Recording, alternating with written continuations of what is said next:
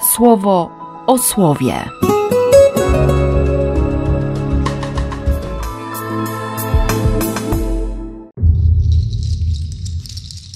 Dwudziesty czwarty grudnia, piątek.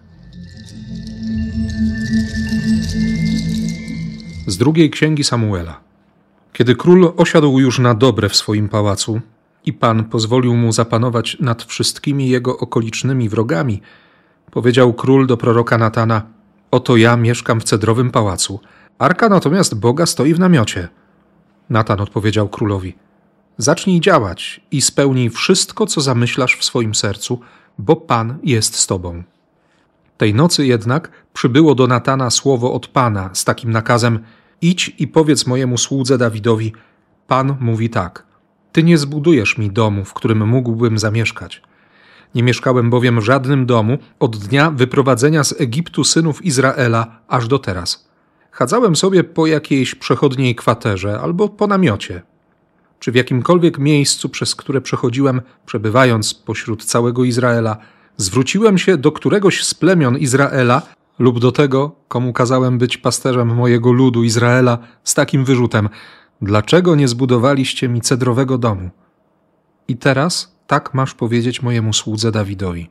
To mówi Pan, wszechwładca.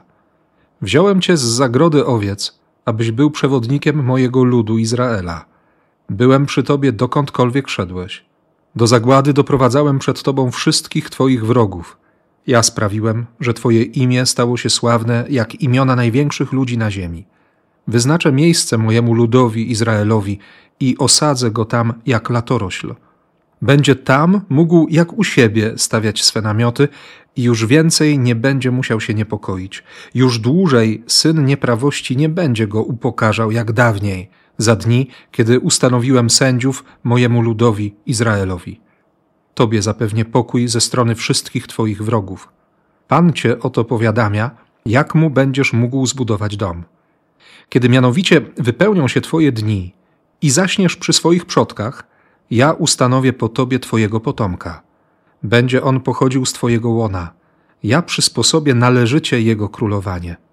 To on zbuduje dom dla mojego imienia, a ja będę podtrzymywał jego tron przez wieki. Ja będę dla niego ojcem, a on będzie dla mnie synem. Jeśli dojdzie do tego, że popełni nieprawość, wychłoszczę go rózgą ludzi i razami ze strony synów ludzkich. Nie pozbawię go jednak mojego miłosierdzia, tak jak pozbawiłem niektórych, odsuwając ich od siebie. Jego dom będzie miał zapewnioną opiekę, a jego królowanie spełniane będzie przy mnie na wieki. Przez wieki prosto stać będzie jego tron. Z Ewangelii według świętego Łukasza. A Zachariasz, jego ojciec, napełniony Duchem Świętym, prorokował, mówiąc: Błogosławiony Pan, Bóg Izraela, że spojrzał i dał wyzwolenie swojemu ludowi, że umieścił dla nas róg ocalenia w rodzie Dawida, swojego sługi, tak jak powiedział przez usta swoich świętych, już dawnych proroków. Ratunek przed naszymi wrogami i przed ręką wszystkich, którzy nas nienawidzą, by okazać miłosierdzie naszym przodkom i wspomnieć o świętym swoim przymierzu, o przysiędze, którą złożył Abrahamowi, naszemu przodkowi, że sprawi nam to, że wyrwani z ręki wrogów bez strachu służyć mu będziemy przez wszystkie dni nasze, w świętości i sprawiedliwości przed nim. A ty, dziecię, będziesz nosić imię prorok najwyższego, ponieważ pójdziesz przed nim, aby przygotować jego drogi, jego ludowi dać poznać zbawienie przez odpuszczenie ich grzechów dzięki miłosiernemu sercu naszego Boga, za sprawą którego odwiedzi nas wschód z wysokości, aby się pokazać przebywającym w ciemności i w cieniu śmierci, aby nasze kroki skierować na drogę pokoju. To dziecię rosło i nabierało mocy duchowej. Potem przebywało na pustkowiu, aż do dni swojego ukazania się przed Izraelem. Piękne słowo na ostatni ciemny poranek. U nas przynajmniej roraty w ciemności. Ostatnie. Król osiadł już na dobre.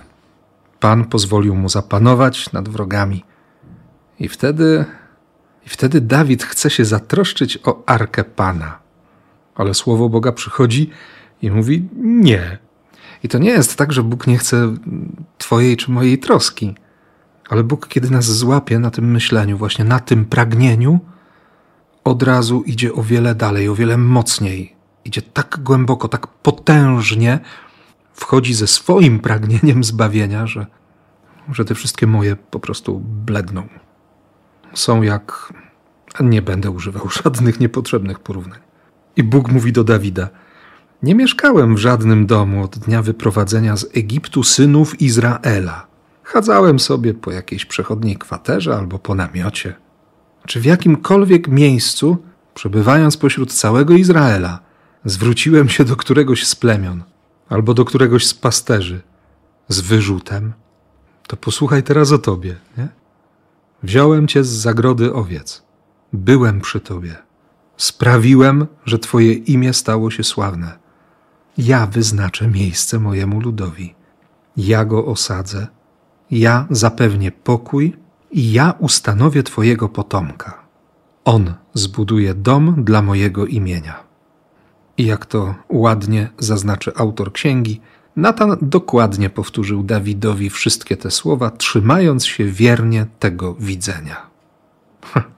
On nas prześcignie w pragnieniach, w tęsknocie, w trosce, w planach. On naprawdę zrobi wszystko. On przychodzi jako panujący. Nie ja mu robię łaskę, ale to on daje łaskę, on daje słowo. I pewnie dlatego 89 psalm zaczyna się właśnie od tych słów, że, że będę śpiewał o łaskach Pana. Jak tylko będę żył, właściwie to przez wszystkie pokolenia. No i mamy ten śpiew, mamy tę pieśń. Zachariasz, napełniony Duchem Świętym, prorokował, zgodził się, przyznał Bogu rację. Uwierzył i zaświadczył, że Bóg daje łaskę teraz. Nawet jeśli w tym wszystkim, co, co ma gdzieś za plecami w całej historii swojej, historii swojej rodziny, były takie pogmatwania, że, że trudno się było dopatrzeć łaski, to teraz ta łaska jest. Mają ją na rękach. Mają tę łaskę na rękach. Błogosławiony Pan, że spojrzał, że dał wyzwolenie, że umieścił róg ocalenia w rodzie Dawida. E, pierwsza królewska, 1,50-53. Róg ołtarza. Jeśli morderca dotknął rogu ołtarza w świątyni, to był nietykalny. Miał immunitet. I o tym jest ta pieśń. O tym, który jest naszym ocaleniem. Ratunek przed wrogiem. Przed ręką tych, którzy nas nienawidzą. Bo On to wszystko robi, by okazać miłosierdzie i, i by przypomnieć, że On pamięta. Że będziemy wyrwani z ręki wrogów że będziemy bez strachu stać przed Nim. I dalej to proroctwo o poznaniu zbawienia przez odpuszczenie grzechów, bo Bóg ma serce miłosierne. Czego chcieć więcej? Czego chcieć więcej na te święta? Przecież tutaj nie chodzi o żadne ckliwe. No, tu o życie chodzi. O Twoje życie, o moje życie, nie? o zbawienie o miłosierdzie, odpuszczenie grzechów, o wolność od lęku, o ratunek, o obronę przed nienawiścią, o wyrwanie z ręki wrogów. Tu nie będzie żadnego lili, lili, lili. Przepraszam, ale, ale to słowo ma taką moc w sobie, że, że naprawdę wszystko blednie.